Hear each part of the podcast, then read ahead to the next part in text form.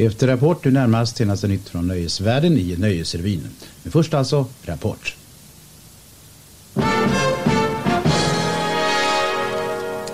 God kväll, här är Rapport. Den eh, bosniska regeringsarmén förlorade idag kontrollen över staden Velika Kladusha i Bihać-området. Efter flera dagars strider föll nu staden till muslimska rebeller och kroatienserbiska styrkor. Samtidigt skadades ett franskt stridsflygplan över Bosnien av en luftvärnsrobot enligt FN avfyrad av de muslimska regeringsstyrkorna.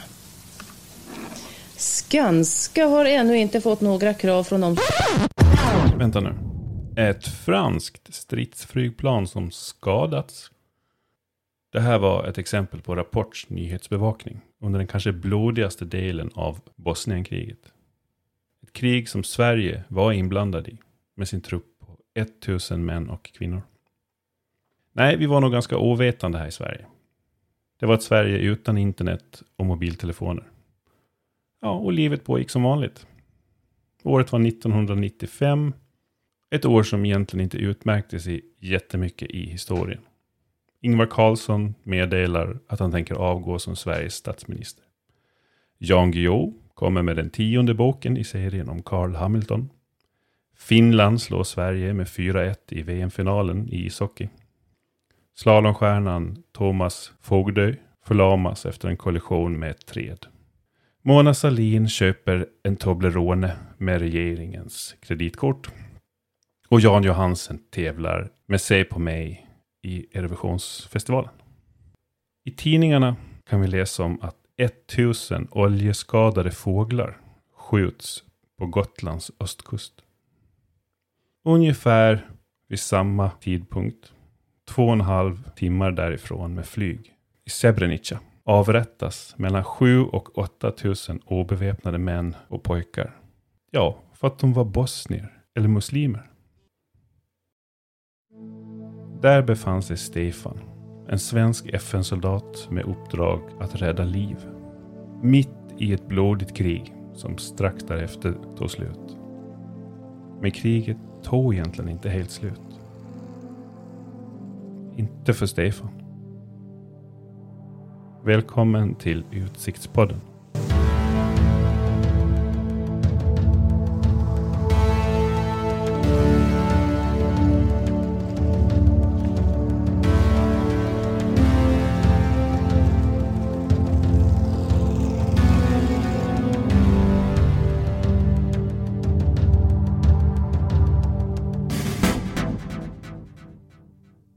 Ska strax prata med Stefan som har gjort FN-tjänst i Bosnienkriget. Men jag tänker att många kanske inte riktigt har full koll på vad var det som pågick i Bosnienkriget. Flera fraktioner som slogs. Jakob, kan du inte göra en överflygning så att man förstår lite lätt vad, vad det är som Stefan hamnade mitt i? Ja, det finns egentligen eh, de långsiktiga och de kortsiktiga orsakerna eller bakgrunden. För att man ska förstå det. Ehm, den långsiktiga bakgrunden är ju det som sker under eh, andra världskriget. Eh, alltså en, en etnisk våld under kriget, under den tyska ockupationen där eh, vissa grupper, kroaterna delvis slogs på tyskarnas sida. Vi har kommunistiska grupper, vi har nationalister. Med massavrättningar utifrån nationalistisk bakgrund, utifrån eh, religiös bakgrund. Man tog in eh, muslimer i eh, kyrkor och brände dem till döds och mycket sådana saker. Så du har en, et, en, en tradition av etniskt våld.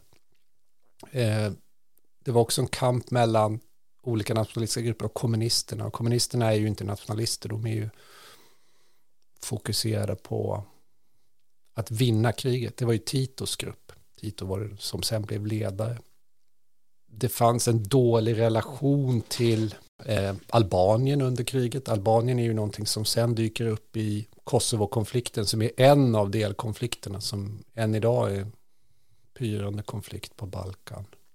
Det är de långsiktiga, det här fram och tillbaka. De kortsiktiga, det som händer efter andra världskriget är att staten Jugoslavien som hade funnits sedan första världskrigets slut eller efter första världskriget styrs av Tito som är han var kommunist och höll eh, landet med hjärnan så länge han var i liv. Fast det fanns splittring i landet mellan, det fanns egentligen åtta stycken delrepubliker eh, i landet. Ja, de, de kända är ju Serbien, Slovenien, Kroatien, eh, Bosnien-Hercegovina, Montenegro, eh, Vojvodina som är en del av norra Serbien, eh, Kosovo, eller Kosovo, södra Serbien. Så att det fanns mycket konflikter där. Det som händer är att han dör på tidigt 80-tal. Det fanns ingen stark ledare som kunde hålla ihop Jugoslavien när det här sönderfallet började där. Helt plötsligt så blev det viktigt vilken nationalitet man tillhörde. Så att det skapas lokal nationalism i områdena, de olika republikerna, fast de är kommunister. Fast de kallar sig för Jugoslavien. Det hade man säkert kunnat kontrollera, men på 80-talet så sker en ganska grav ekonomisk kris i Jugoslavien. Där har man tre faktorer. Ingen stark ledare, nationalism, ekonomisk oro. Och sen börjar vi närma oss 89. Och eh, 89 är året när andra delar av Östeuropa, nu var ju inte Jugoslavien en del av Warszawapakten och, och så, men det sker förändring. Och då börjar eh, nationalismen eskalera i eh, alla delrepublikerna och bland det kändaste är ju att Milosevic som var ledare för han var ledare för den serbiska kommunistiska gruppen håller ett tal i eh, något som heter Kosovopolje Trastfälten som är en magisk plats för serberna där de den 28 juni 1389 hade fått stryk av turkarna. Samma dag 1989 så håller han ett tal där han börjar prata om serbisk makt. Ingen ska få slå en Serbien. Nästan en miljon serber var på det här stället och de delade ut vapen till serberna.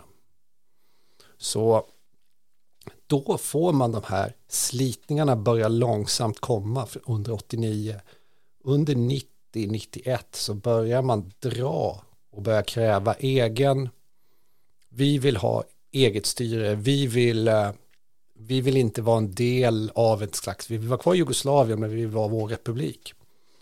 Så det, det, det eskalerar under år 1991 så kräver både Slovenien och Kroatien att de ska få vara fria.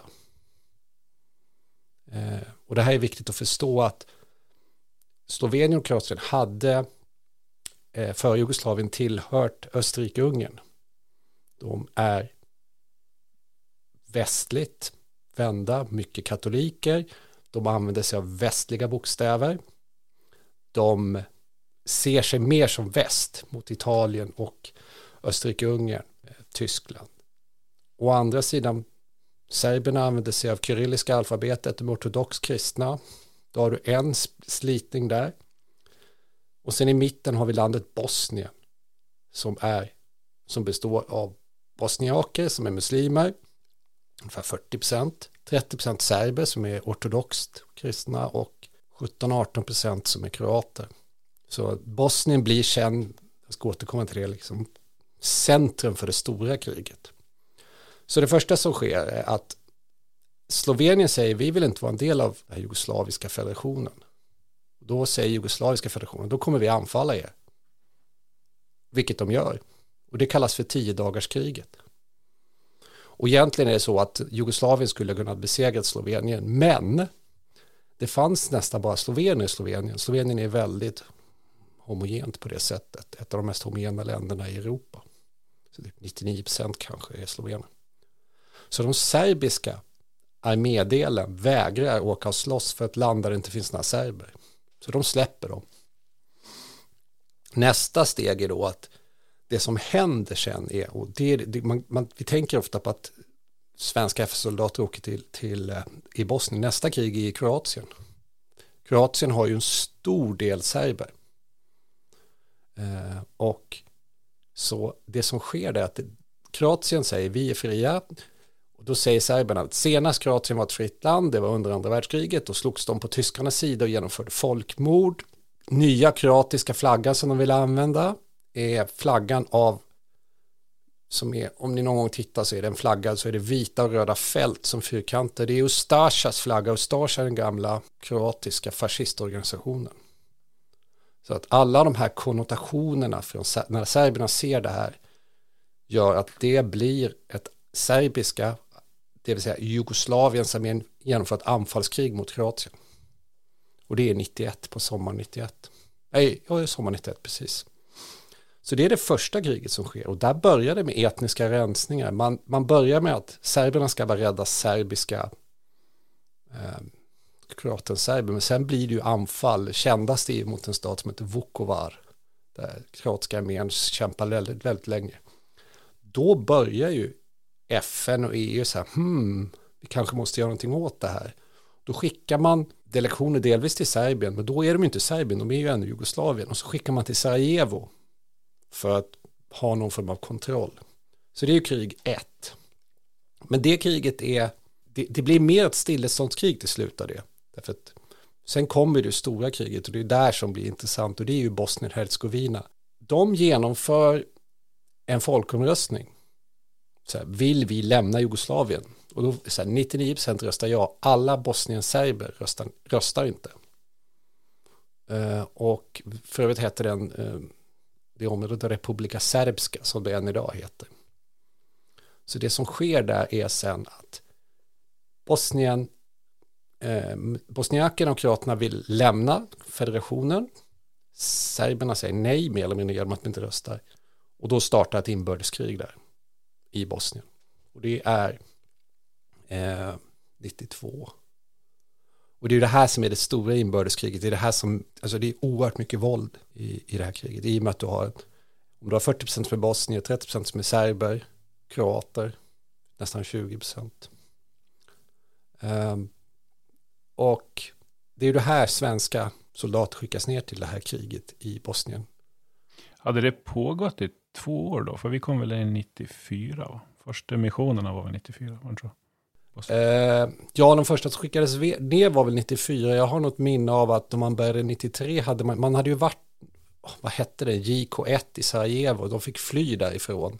Det var ju så att det var ren tur att de inte sköts ihjäl den första så det, det, det hade pågått, det, hade, det börjar ju lågskaliga, det är ju inte, det, vi pratar om krig som vi kanske ser bilden av stora slagfält, men det här är ju, jag menar, Bosnien och Bosnien-Hercegovina är väldigt bergiga, så det är ju lågintensiva krig i områden där det kan vara byar mot byar. Och FN var sena på bollen. Ehm, EU var ganska sena, man började inse att det hände saker men det, det tog tid innan det började ske. För det, det är ju långsam, alltså FN är ju en långsam organisation. FN var vana kanske att vara i Libanon och vakta lite. Jag menar, det här var ju, de kom ju ner, de kom, var nog inte förberedda på att komma ner till ett krig på samma sätt som kanske man hade varit i Kongo eller på Cypern. Så det, det tog tid. Har du någon reflektion på det svenska nyhetsbevakningen? För jag, jag upplever att det finns en lite frågetecken där. Jag tycker att vi i Sverige var duktiga ändå på att bevaka krig runt om i världen. Vietnamkriget var vi väldigt aktiva i. Och, eh, och kan det vara att det är så komplext och så låg, har en sån lågintensiv början som gör att vi inte riktigt uppfattar det här som någonting?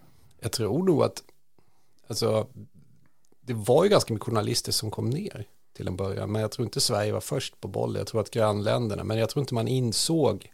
Det var kanske först det här slovenska tiodagarskriget. Ja, sen har du kriget i Kroatien som lite avstannade. Man började skicka ner, men man, började, man insåg nog inte. Och det fanns väl en, jag vet inte, det är, det är ju e, precis efter kalla, kalla krigets slut. Eh, det, var nog, det blev nog en överraskning också för många. Sen, från, alltså när journalisterna började flyta ner, så, så var det ju jättemycket journalister från 93-94. Men i början var det nog, sen tror jag också att eh, 94, sommar 94 när det var fullt krig, ja Sverige var med i fotbolls-VM och det gick bra. Ehm, Estonia sjönk 94, Sverige röstar för e- att bli medlemmar i EU 94. Då, då, det, då blir det här kriget i Kroatien, det finns med, det sänds, men det blir på något sätt, vi blir distanserade. Och det är ju ännu värre hur samma år så sker ju folkmordet i Rwanda som är jag menar 800 000 människor på 100 dagar som knappt nämndes. Så det, det missades i media på ett sätt men det missades inte.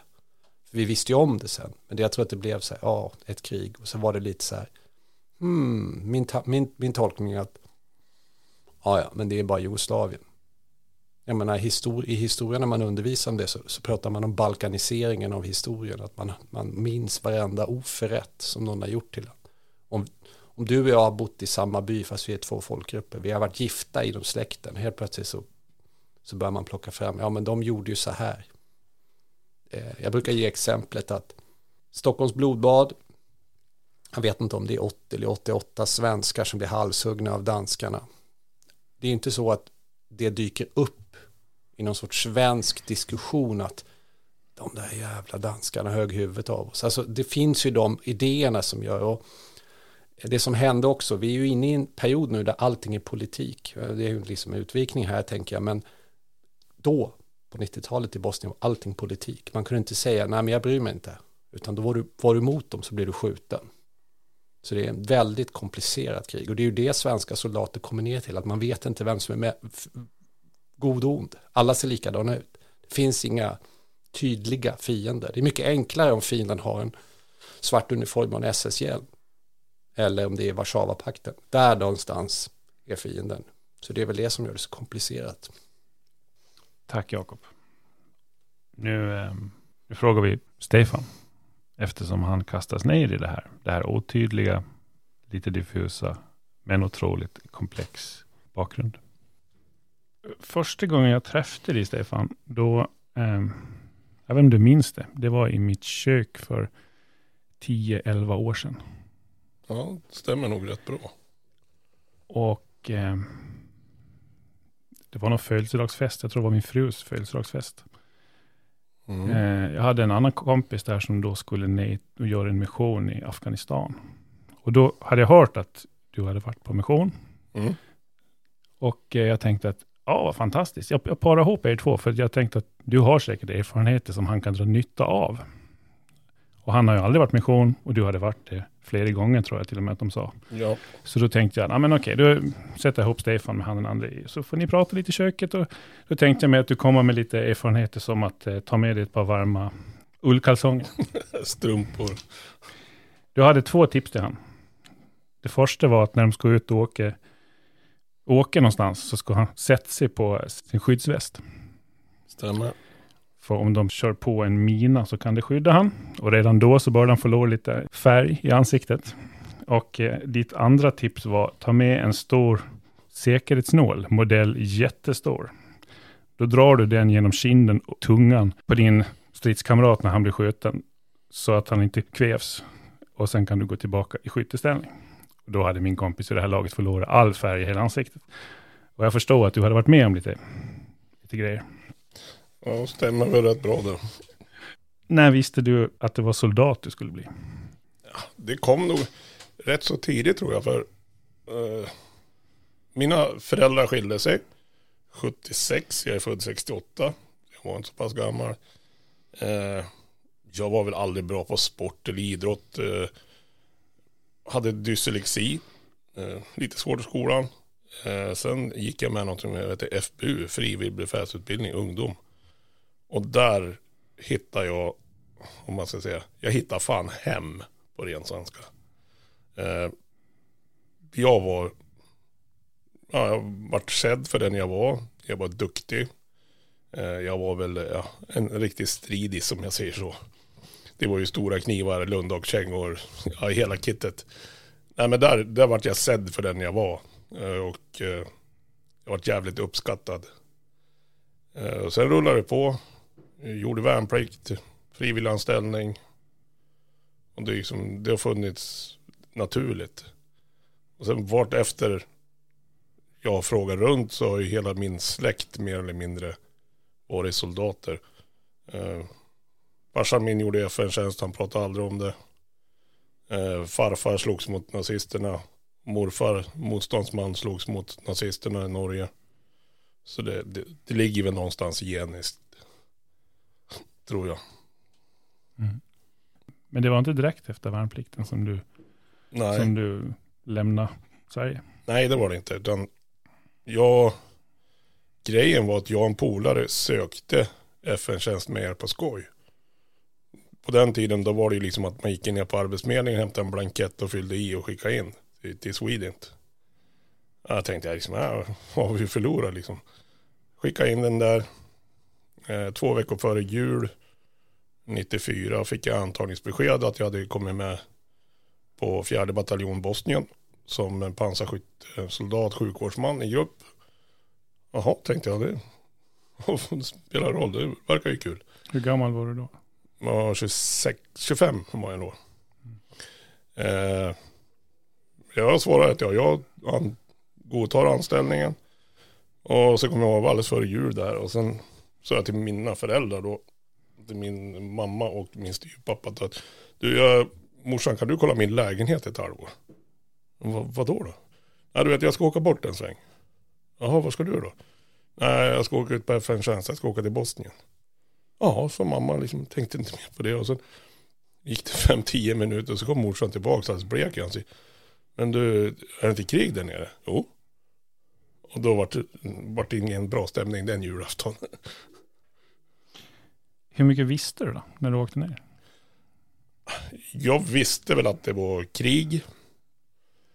Eh, det här kanske låter lite dumt, men om du tänker dig som en, en fotbollsspelare. Han eh, tränar och tränar och tränar. Och varenda match får han sitta på bänken. Han får aldrig spela match. Lite så kände jag liksom. Jag hade ju hållit på, hade hållit på med militära stort sett sedan 15 år.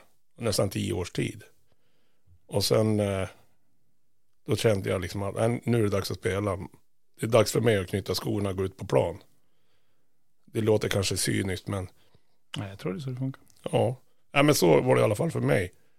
Eh, 75% äventyr. 25 procent ja, kunna få göra någonting. Och samma, man hade suttit hemma och tittat på Aktuellt.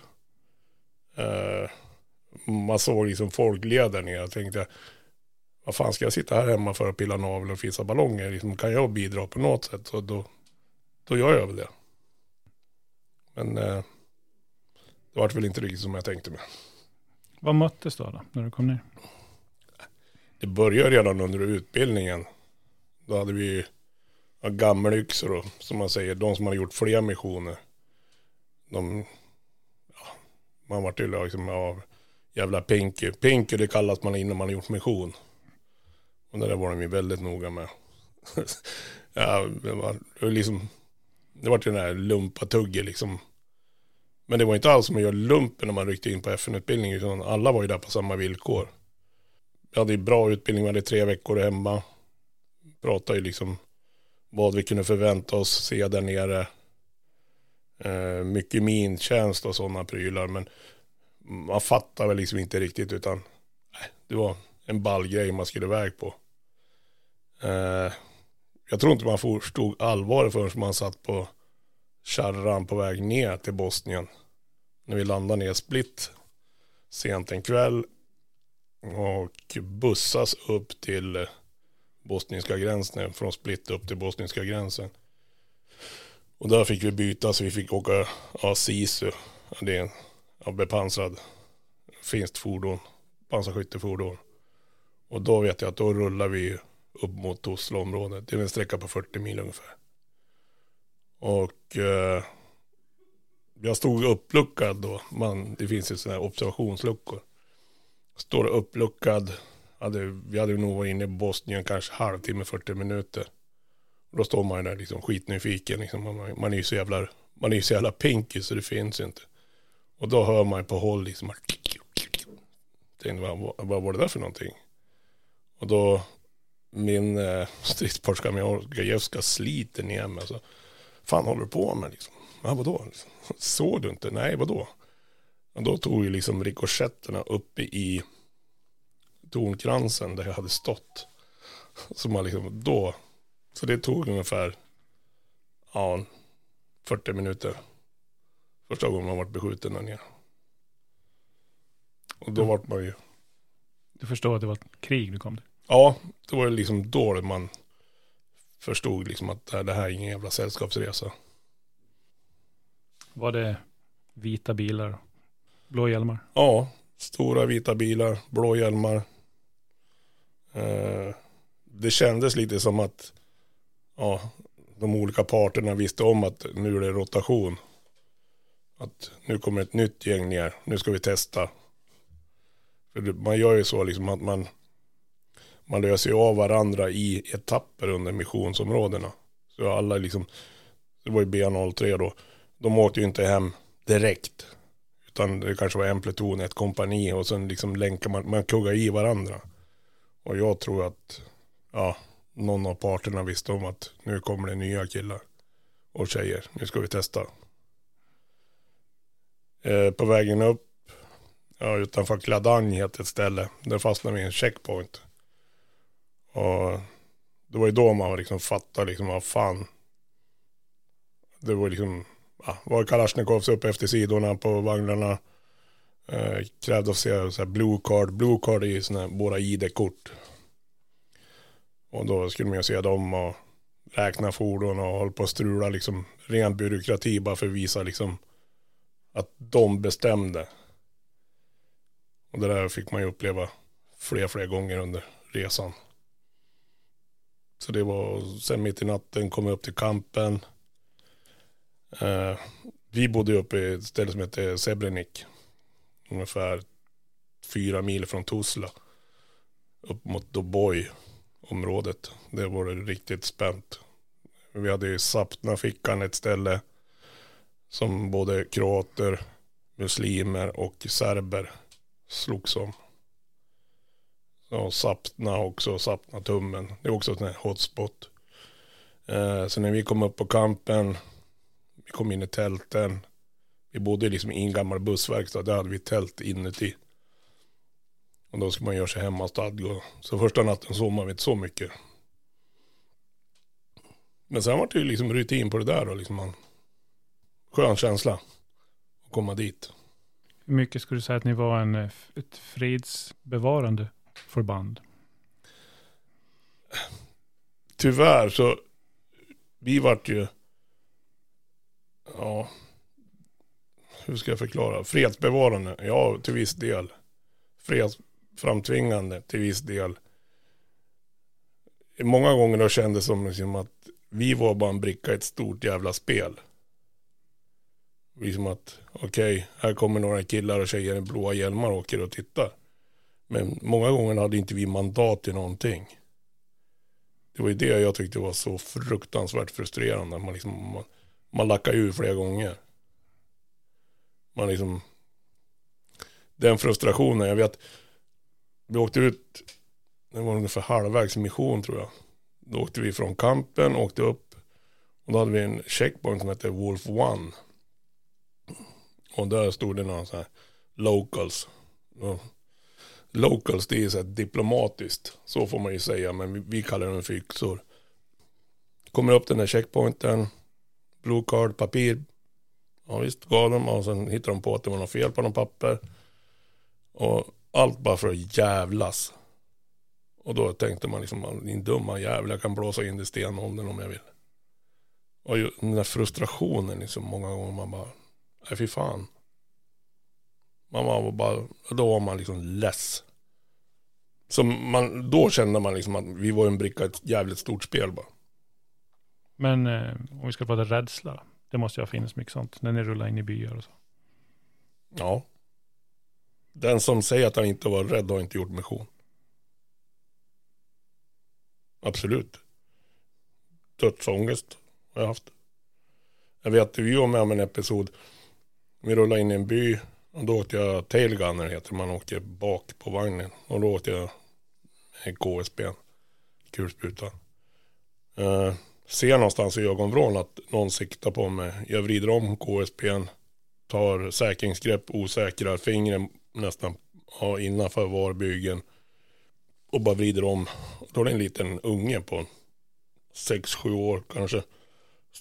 Står och siktar på mig med ett trägevär. Och där sitter antagligen morfar eller farfar liksom bredvid och applåderar. Jag kunde ju ja, såga ungen på mitten. Mm. Det är då man liksom bara, vad fan händer? Och det där kommer ju tillbaks flera gånger. Liksom, man, man, man funderar liksom om. Vad hade hänt om jag hade tryckt av? Alla de här som slogs i området, det var, ni var ju inte den primära måltavlan, men jag antar att ni var en måltavla för alla apteringar och minor och fällor och, och sånt som kanske lades ut. Absolut. De ville ju inte ha oss där, de, de stridande parterna. Vi var ju liksom, Ingen av dem. nej, nej, nej, nej. Ena dagen då var vi jättepopulära liksom. Om vi åkte igenom en, en, en muslimsk by. Då var vi jättepopulära. Nästa dag då kunde de liksom kasta sten på oss gapade Gapa liksom go home. Och sen gick det två, tre dagar. Då var vi liksom, åh, omprefor, omprefor liksom. Alltså det var, det var ju så svårt liksom från ena dagen till den andra. Men, eh, ja rädsla, det hade man ju flera gånger. Jag var nog aldrig rädd för att dö. Det låter ju jätteskumt. Liksom dör man så dör man. Då är det, liksom, då är det bara att släcka lampan och så går man hem. Men däremot, jag tror jag är mest rädd för att bli blind, eh, bli av med armar och ben och sånt. Själva döden, det har jag liksom aldrig skrämt mig men ja, just att komma hem lemlästad. Man har hört mycket om, om eh, utrensningar och rena mord och, och det, man tänker sig att det är ett krig. Jag kan också tänka mig att på vissa ställen då var det mer folkmord man såg. Jag, jag säger så här, Bosnienkonflikten för mig var ju ja, krig inom situationstecken. Det fanns ju alltså rena rama jävla rövarband. Alltså idioter, banditer. Det sämsta av det sämsta av mänskligheten. Som åkte runt liksom och, alltså som vi hörde här i introduktionen liksom, om Srebrenica. Det, det står vi liksom en hel jävla bataljon svenskar. Och vi får inte göra någonting. Vi vet att våra holländska kollegor sitter mitt i skiten. Och, och det där kan jag också känna som ja, ilska. Ja, ren, på ren svenska, ren jävla ilska. Att vi inte fick göra någonting. Ni fick inte göra någonting för Nej, vi, vi, vi fick inte rulla in. Det var ju många gånger vi tog, jag vet en episod vi hade, vi hade rullat igenom en checkpoint. Vi fick nys av UNMO, det är militärobservatörer som hade fått nys om att det pågick strider uppe i ett område. Vi är på väg att rulla upp och då fastnar vi i en sån här lokal checkpoint. Och då hör vi liksom artilleriduellerna, vi hör hur de skjuter in mot de här byarna i aktuella området. Och vi försöker och vi försöker liksom åka igenom. Vi pratar med vårat högkvarter. Så högkvarteret ja, till Chief of Command. Och, liksom, och där stannar det. Det står vi liksom. Jag är beredda liksom att nu jävlar, nu åker vi upp och, och tunkar dit de jävlarna. Men ändå får man liksom, här då satt vi där i våran PBV. Och tittade på den där ja, yxan som stod där med jättestora Ray-Ban och en Kalashnikov och skithäftig. Och liksom man stoppar när man vill komma upp och, och hjälpa till. Och samtidigt då får man liksom i svensk media att eh, svenska soldater var inte utbildade för att strida. Man liksom, vad fan håller ni på med liksom? Men ni fick er beskärde del av strid också, misstänker jag. Ja, vi, vi vart ju påskjutna flertal gånger. Eh, jag miste två kamrater där nere. Eh, två norrmän som strök med. Så det, ja man har, man, man har sett, man har sett absolut det, det sämsta hos en människa om jag säger så. Och det är det jag också liksom funderar på för Bosnien före kriget då kunde man liksom hade en granne som var kroat, muslim, serb, you name it. Man lånade grejer av varandra. Man klöpp gräset tillsammans, man hade odlingar tillsammans.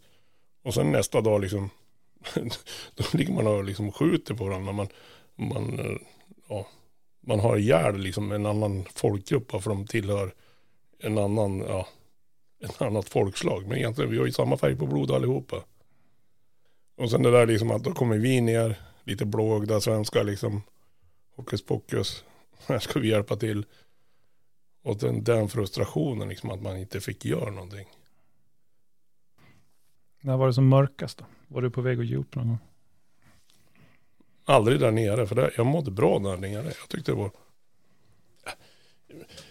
Jag säger så, utan, utan den pluton jag var på och framförallt min plutonschef som var... Det finns hjältar och det finns hjältar, men min plutonchef är nog en av de största hjältarna. En, en bra förebild för mig. Utan dem som hade man ju aldrig grejer. Exempelvis killar på mellan 25 och 30 år, kuddkrig. Bara sån grej. Ubåtsfest. Ja, det var mycket sådana här små grejer som liksom gjorde att man, man pallade med. Den här råa humorn. Kanske var tvungen att... Jo, men det, det, det blir så. Jag vet att vi skulle göra någon film till eh, bataljonen som skulle gå på efter oss och informera. Ja, jag vet inte, jag tror aldrig de skickar iväg den där filmen. Men de vågar nog inte. Nej, men det, är vi var ju så många olikheter på pluton. Det var ju det som gjorde styrkan. Vi hade en kille uppe från Pajala. Han liksom, då hade han pratat för en vecka. Och så hade vi några skåningar, någon från ja, Östergötland. Ja, det var liksom, vi var ju tillsammans, vi var ju en främlingslegion. Vi var ju som folk som hade gjort lumpen i marinen, jägarsoldater, pansar, you name it. Men när vi kom ner där så var vi en, en enhet. Jag skulle, kunna, jag skulle kunna göra vad som helst för de grabbarna. Även idag, skulle någon ringa, jag skulle bara släppa allt. Band Brothers. Ja, jag vet inte. Förut jag trodde jag att det var en skröna, men det, det ligger mycket i det. När man har suttit på ett OP mitt i natten och liksom man har pratat om de, de djupaste känslorna som finns. Liksom, det, är, det kan vara allt. Så här, rent eh, existentiella frågor. Vad gör jag här? Varför finns jag? Sådana grejer kunde man sitta och diskutera på natten. Eller på dagarna. Upplevde ju saker, man såg ju misär. Eh, men även, även i mitt all misär så såg man vissa glädjeämnen också. Någonstans i det här så tar din mission slut. Mm. Du sätts på ett flyg Mm. hem. Japp. Känns, hur känns det då? Känns, känner du dig som en hjälte då när du, när du kommer hem? Hjälte det gör jag väl inte men jag känner personligen att jag har gjort någonting jävligt bra. Jag är skitstolt över det jag har gjort. Men när jag kom hem liksom då det var, ju, så- det var så jävla surrealistiskt för jag kommer hem går ut på det lokala stadshotellet. Tänker man nu, party party, här ska firas. Kommer ner och det första frågan jag får av en polares flickvän bara, har du dödat någon? Och liksom, vad fan, är jag någon ballare för det? Så, rent cyniskt bara, vill du veta hur många jag har tagit med, med kniv eller hur många jag har skjutit? Och sen tog jag två öl. Och så tittade jag mig omkring och tänkte, vad fan är det här för någonting? Vad i helvete har hänt? Det hade inte hänt någonting. Så det, det var ju som, det var en sån jävla omställning. Från, ja, två dagar tidigare. Suttit med liksom splitterväst, akon, tejpad, handgranater i fickorna, liksom beredd. Så kom man hem bara, jaha. Så det var ju, det var en jävla omställning. Det du egentligen säger är att det var ju ingen, ingen anpassningsperiod alls där. Nej. Två medaljer på bröstet, litet kort, ring om du mår dåligt. Det var, det var ju det som hände. Vem var det som kom hem då? Var det Stefan som åkte iväg som kom hem? Nej. Vad hade hänt? Innan jag åkte då var jag liksom sprallig, full i hyss. Eh, lätt att ta kontakt med folk.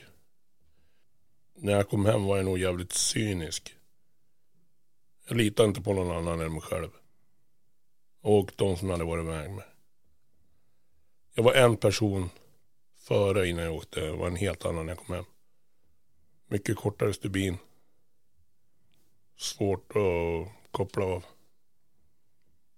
Alla de egenskaper man ska ha när man är i ett krig. Alltid på sin vakt. Alltid liksom ha sexan ren. Det är det jag tror inte jag folk förstår liksom att när man åker ut. Krig för mig, det var ju liksom det man hade sett på tv liksom. Hokus pokus, det kommer en, en granat och det är och the, peace for, the fight for peace and freedom och ska ha en hoha liksom. Men det, krig är så mycket jävla smutsigare.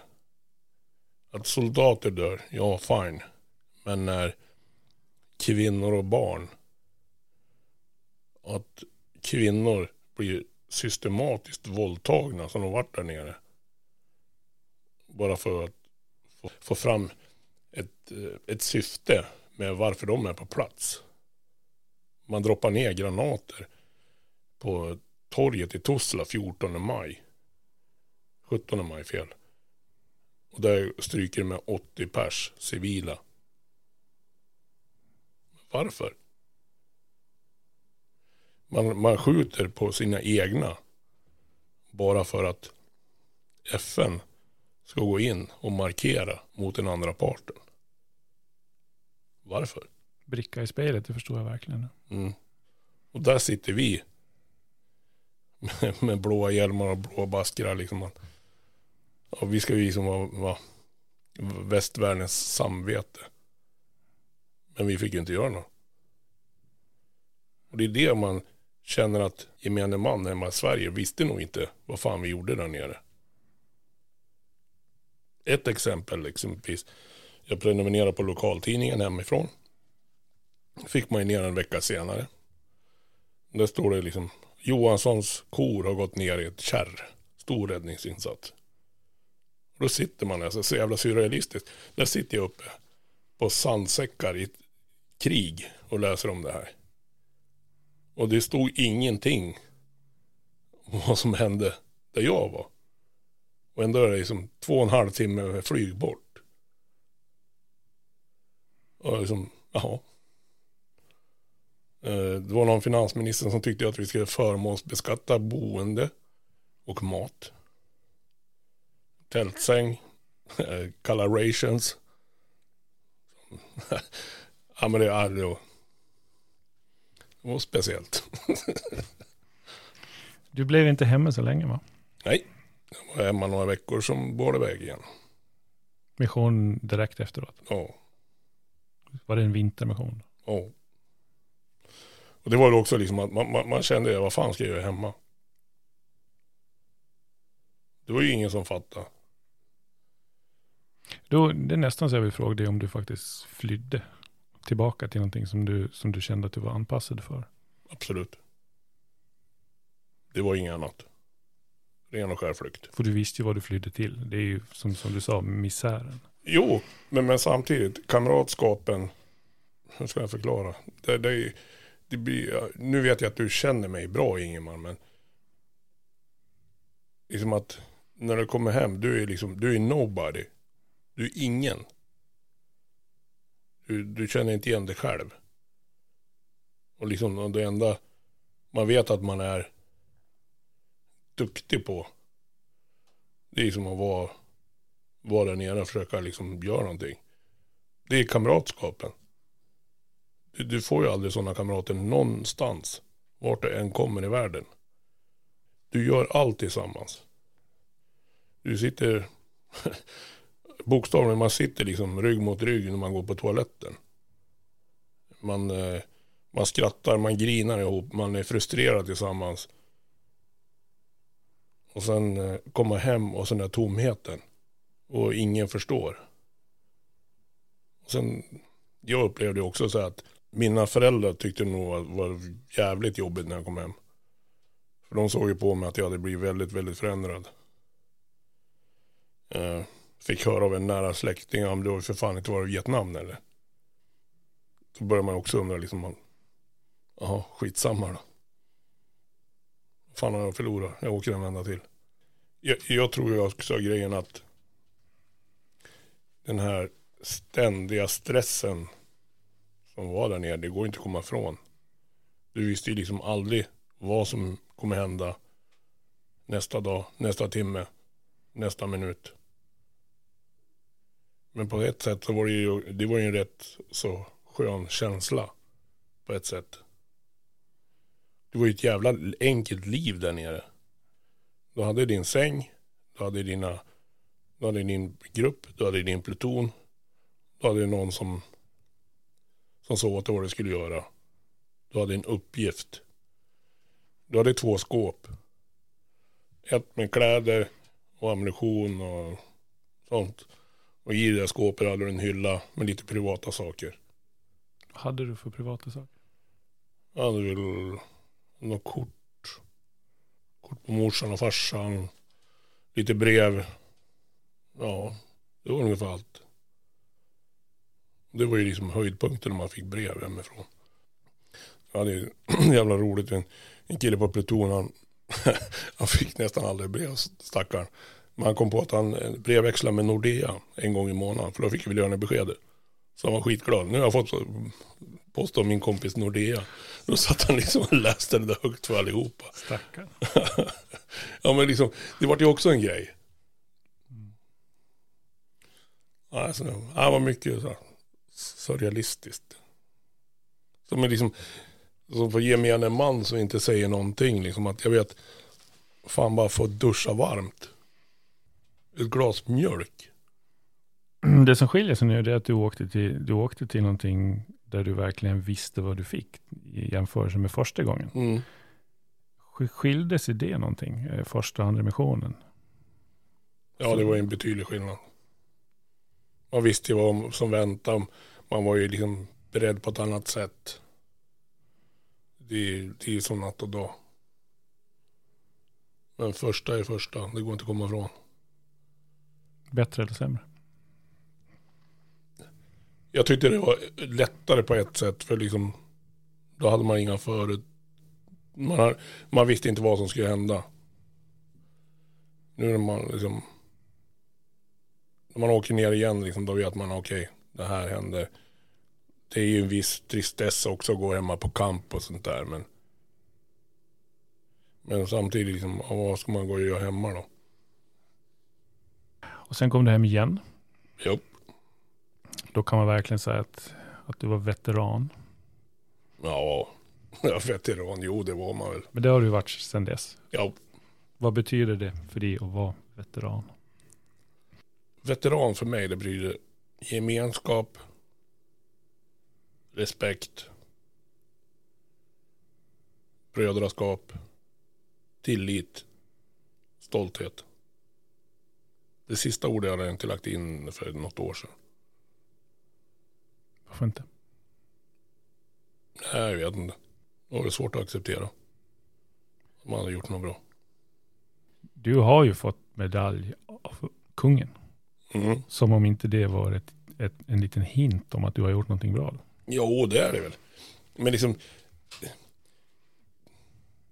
Jag förväntar mig inte att man skulle få någon så här pukor och trumpeter när man kommer hem. Men i alla fall någon. Någon jävla liksom tack. Det spelar ingen roll om du kan hänga på med 300 olika medaljer. Det är bara en plåtbit. Men liksom om man någon. Det är jävligt schysst när någon kommer fram och som tackar en. För liksom, jag vet, det var bara här några veckor sedan, jag var nere på Ica. Så hade han en veterantröja på mig. Och så kom det fram en, en gubbe, bara en helt random farbror. Han bara, tack för din insats. Men det, sånt, det är ju värt mer än alla medaljer, alla betyg, allting.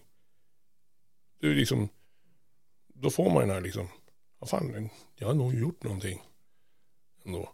Är det inte vackert att den här random Jo, det, det, farbrorn är mer värt än eh, när kungen ger en plåtbit? Jo, det är det väl. Men det är ju det är så olika grejer. Man, liksom, det, det, är ju mer, det betyder mer det. Eller man, man träffar en annan yxa på stan. De flesta har ju en sån här yxring. Och det spelar ingen roll om du har gjort Kongo, Libanon, Cypern, eh, Mali, you name it. Afghanistan liksom. Det, är- det, är som, det är samma tugg. liksom man, man kommer in i det här liksom missionstänket. Det är det som är så jävla härligt. Liksom man, man slipper förklara. Liksom, Man, jag vet, vi rullar in i den där checkpointen, en stor jävla yxan där. Liksom. Det, tugget är tillbaks. Man är, man är tillbaks igen i mission. Och det tror jag är väldigt svårt för dels anhöriga, kompisar att förstå. Jag vill ju nästan när vi började prata, jag vill ju egentligen inleda med att be om förlåtelse för att jag kommer att prata om sånt som gör att du drar dig till minnes massa saker du kanske inte vill minnas. Men så tänker jag att ja, du, du, kanske, du kanske tänker på det här ändå ganska ofta. Ja, det går inte en dag utan att tänka på Bosnien. Varje dag? Ja. Ja, då kommer vi in på det som jag vet att du har drabbats av, PTSD. Japp. Men vi kommer återkomma till det, för det, först vill jag prata om en, en reflektion jag har gjort. Du har ju blivit väldigt aktiv i hemvärnet efteråt. Mm. Först tycker man att det går emot det här. Om vänta nu, har man, den här, här har vi en kille som har varit med om krig och sett världens mörkaste hål och ändå vill han vara ute i skogen och leka krig. Det är mm. det första man tänker. Men, men det är inte så för dig. Det är snarare någon form av egen behandling det här. Ja, det, det, det, ja, som du sa förut, jag, har ju, jag fick ju diagnosen PTSD för fyra år sedan. Eh, och den enda gången jag sover riktigt, riktigt djupt och riktigt bra, det är ute med hemvärnet. Det, det låter helt skumt. Alltså. Ja, vad beror det på? Ingen aning. Det, där liksom, det bryr jag mig inte om det kommer en bandvagn, parkerar, det slår i dörrar, eh, det skjuts, det puttrar, det smäller, lysraketer. Jag vet inte, jag, jag är väl hemma helt enkelt. Det, men jag går ju runt och bara flinar. Jag mår hur bra som helst. Men däremot ska jag gå in på ICA, någon tant eller en farbror och tappa en kundvagn eller en kundkorg i golvet. Då ska jag skita på mig. Det är ju så, det är som att snart, snart 30 år efter så är din kropp fortfarande redo för krig. Ja, absolut. Det går aldrig ur. Det går nog aldrig ur helt, men det, det har blivit mycket, mycket bättre. Mycket, mycket, mycket mer bättre. Hur har det varit då, när det var som värst? När jag mådde som absolut sämst. Det här har jag knappt pratat med någon om. Men det är ju skitsamma. När jag mådde som absolut sämst. Då tänkte jag, vad fan gör jag här? Varför kunde jag inte tagit en kula där nere? Varför kunde jag inte tagit en granat? Liksom, när ångesten kommer mitt i natten och liksom kramar ur det sista liksom man har i kroppen. Man åker och handlar fem i tolv på Statoil. Bara för man vet, då är det ingen där.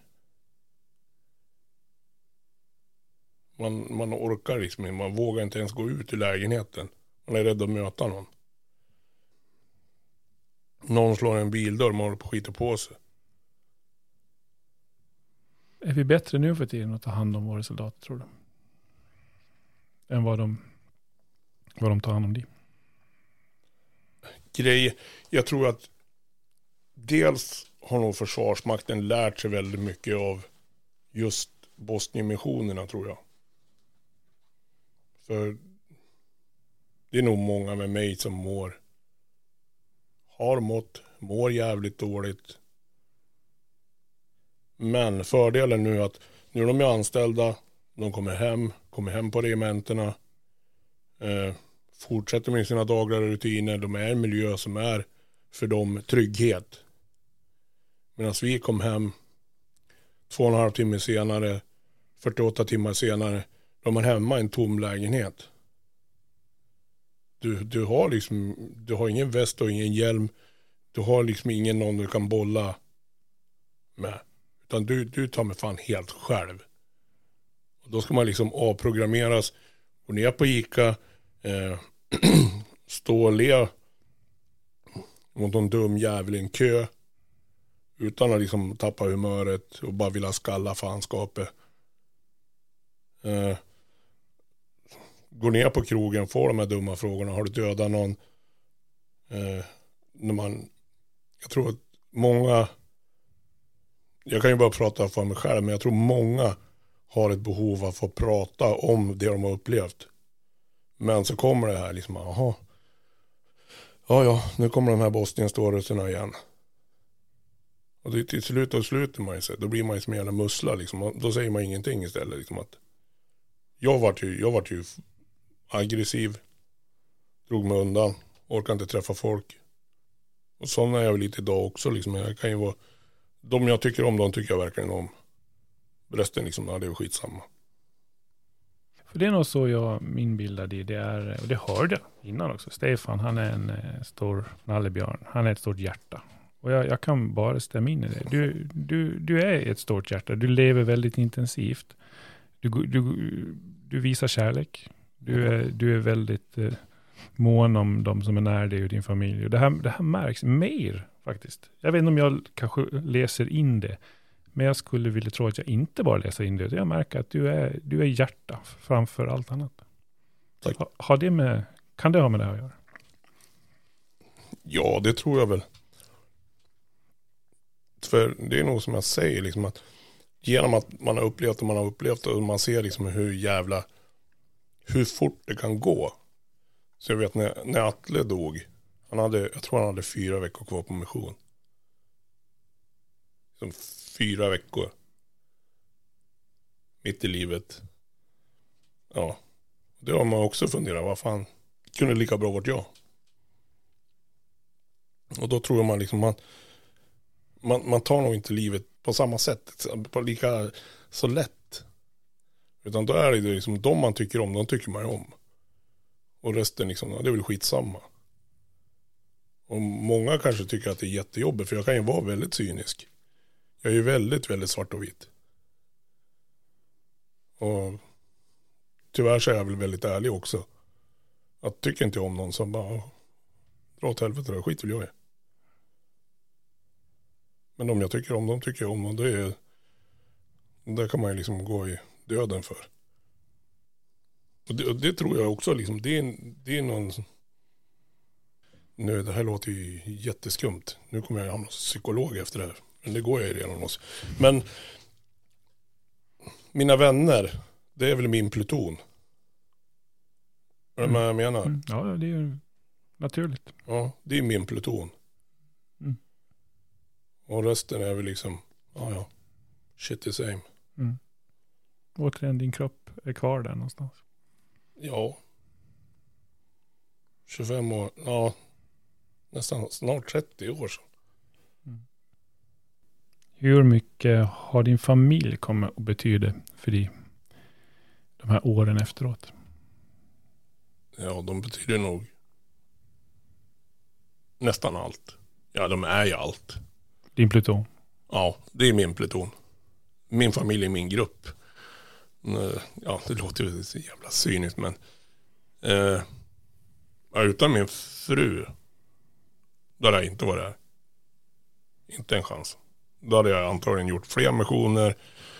Jag hade nog inte nöjt mig med det heller tror jag. Jag hade säkert, ja. Varit i Afghanistan. Eh, Blackwater, vad som helst. Så någonstans uppskattar du att hon har, hon har hinder. Kan man säga så? Ja, hindra. Jag, hon hindrar mig på ett fruktansvärt bra sätt. Hon har ju fått mig att eh, dels acceptera eh, den jag är. Med de svagheter, de brister. Men även de styrkor jag har. Jag tror vi kompar varandra. Vi är inte bara man och hustru. Utan det är absolut min bästa vän. Så många nätter hon har vaknat när jag har legat och hoa och skrikit dyngsvettig, gått upp på nätterna och vanka. Liksom, ja, vem fan står ut med det? Hon gör det. Är det några som är värda medaljerna så är det de anhöriga hemma. Mammor, flickvänner, pojkvänner, barn. Det är de som får dra det stora lasset. För jag tror många av oss veteraner, vi, lever, vi har ju våran värld, våra tankar som vi inte kan dela med oss av. Eller vi kan säkert, men det är så svårt att sätta ord på det många gånger. De får ju ta oss i kragen när vi behöver. De, de, man säger så här, de får ju älska oss när vi behöver det som mest. Men vi kanske förtjänar det som minst. Så de gör ett fantastiskt jobb. Så utan om min familj då hade jag, och mina vänner så hade jag, nej jag vet inte. Jag vill inte tänka så men det hade nog inte gått något bra. Kra- Blir du tagen i kragen ibland? Av din son kanske? Ja. Ja, det är en rätt så sjuk grej, men rätt så fin grej också. När man har, som jag, PTSD, ibland då, liksom, då försvinner man in i tankarna och sen då sitter man där med en stirrig blick, bara tittar liksom, man, ungefär som man fastnar med blicken ibland. Och så kan jag bli så här rastlös. Och då vart jag väl så här, satt och tittade ut och så bara försvann jag med blicken och var nere i Bosnien igen för några sekunder. Och då hör jag, eller sonen säger till, till frun. Mamma, mamma. Vad är det? Säger frun. Nu, nu är pappa i pappavärlden igen. Och det, och det tycker jag är så jävla... När en, en liten krabat på fem, sex år ser en sån grej. Och säger att ah, titta nu är han i pappavärlden. Och liksom, det är inget mer med det. Det är rätt schysst. Men du tillåts vara där och det kanske du behöver få göra ibland också. Ja, det jag, jag tror det för många. Jag vet, jag har ju kontakt med många nu tack vare veteranmottagningen och många säger liksom samma sak, liksom att man, man vill ha den här egen tiden. Man behöver kanske gå ut i trädgården, åka fiska eller något annat som man mår bra av. För mig är det ju liksom fisket, umgås med vänner, familjen framför allt, och hemvärnet. Det är, liksom, det är mina andningshål. Stort tack till familjen, vännerna. Framförallt hemvärnet i Dalarna. De har ju ställt upp något djävulusiskt. Och jag har ju varit öppen med ärlig och sagt att jag, jag, jag har mått jävligt dåligt efter det jag upplevt. Det är ju som det är helt accepterat där uppe. Och du är väl inte ensam veteran där eller? Kanske. Nej, vi är rätt många yxor. Och det är ju också rätt skönt. Man kan liksom sitta och bubbla med varandra. Behöver inte säga så mycket. Men eh, medaljerna till våra anhöriga. Och det var bara fyra år sedan du sa att du fick hjälp för PTSD. Mm. Berätta lite om hur det gick till. Det var min eh, stridsparskamrat Stinky som ringde mig.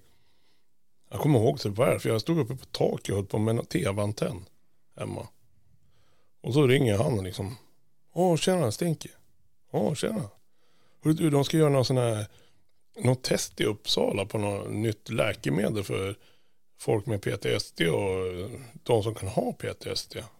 Då ska du med liksom. Jag tänkte, fan, nej, någon jävla guinea pig tänker inte jag vara liksom. Nej, men så tänkte jag liksom att vad har jag förlorat?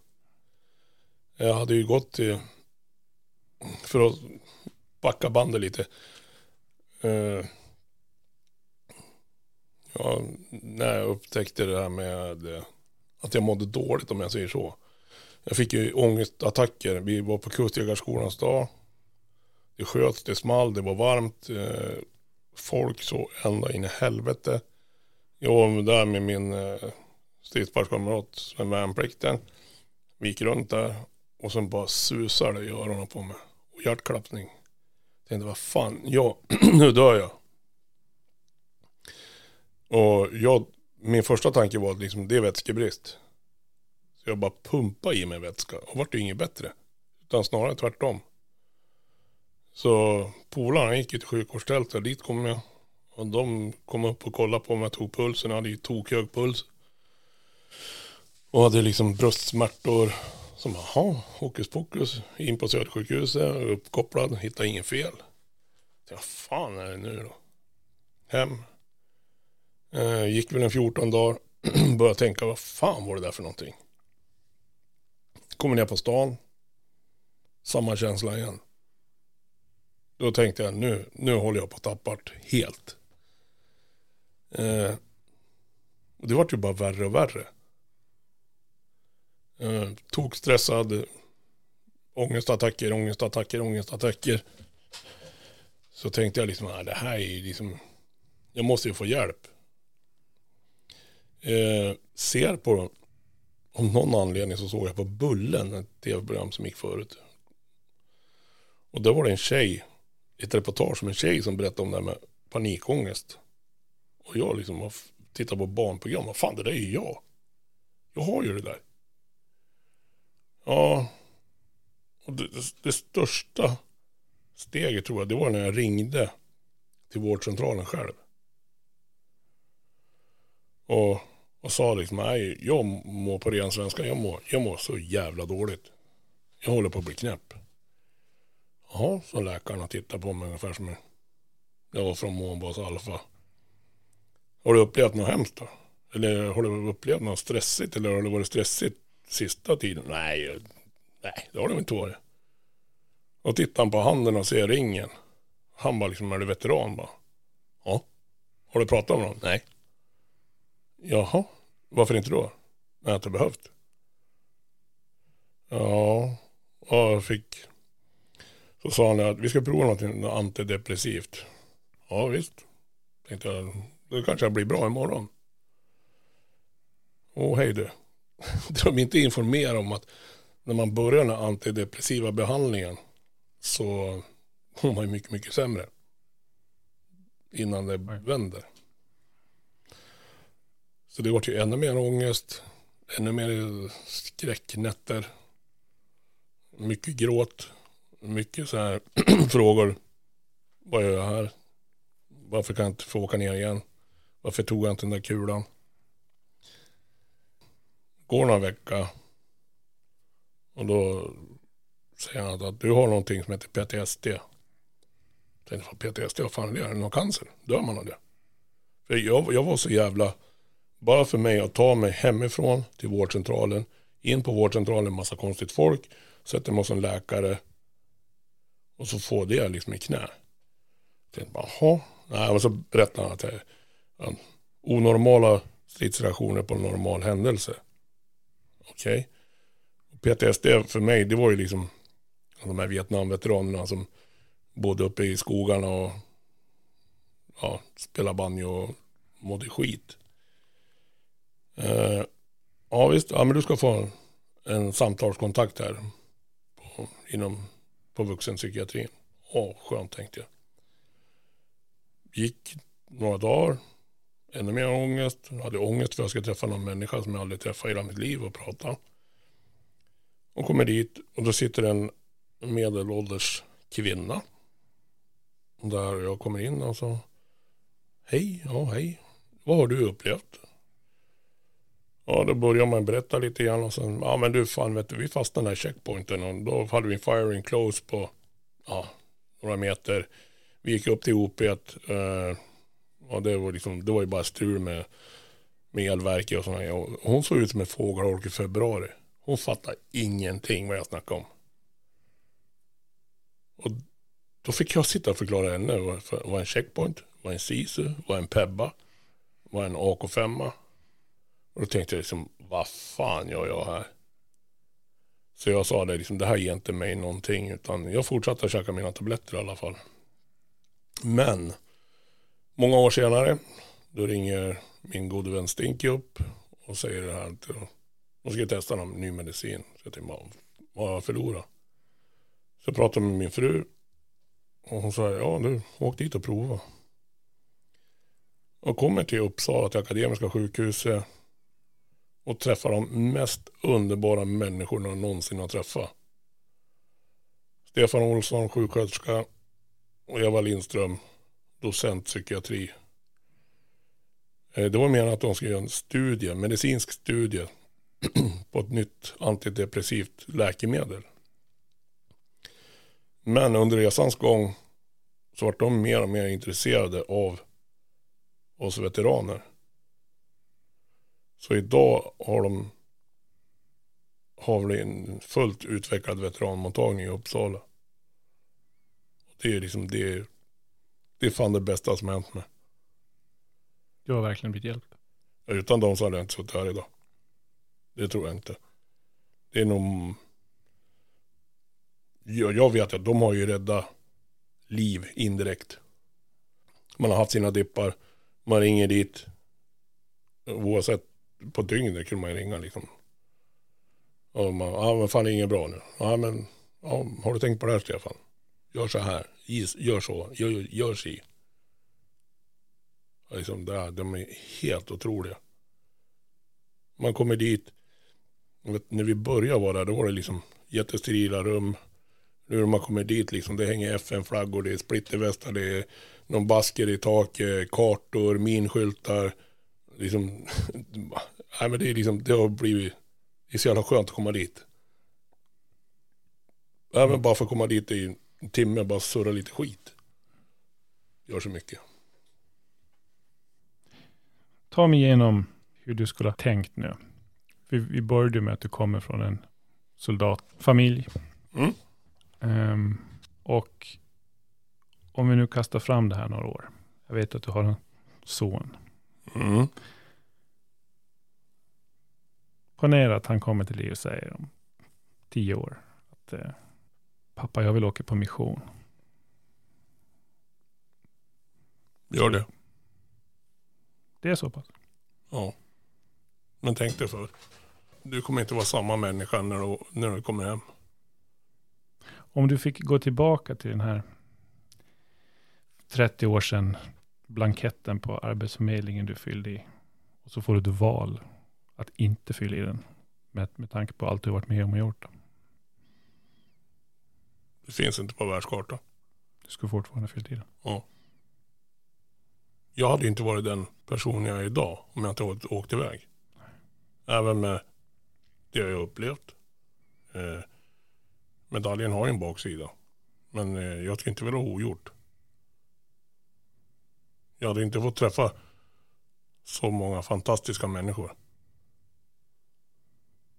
Jag har fått så många vänner. Kamrater som jag har. Det är rätt sjukt liksom efter 30 år så kan man ju liksom bara lyfta telefonen och så det är ungefär som att jaha, det var 20 minuter sedan vi sågs. Så det, ja, det ligger nog lite i det där Band of Brothers. Så nej, jag hade nog, hade nog sagt till min son att ja, åk. Men eh, tänk på det här. Du är en människa när du åker. Du är en människa när du kommer hem. Jag har bara en sak kvar att säga. Tack för din insats, Stefan. Både nu och då. Tack själv Ingemar.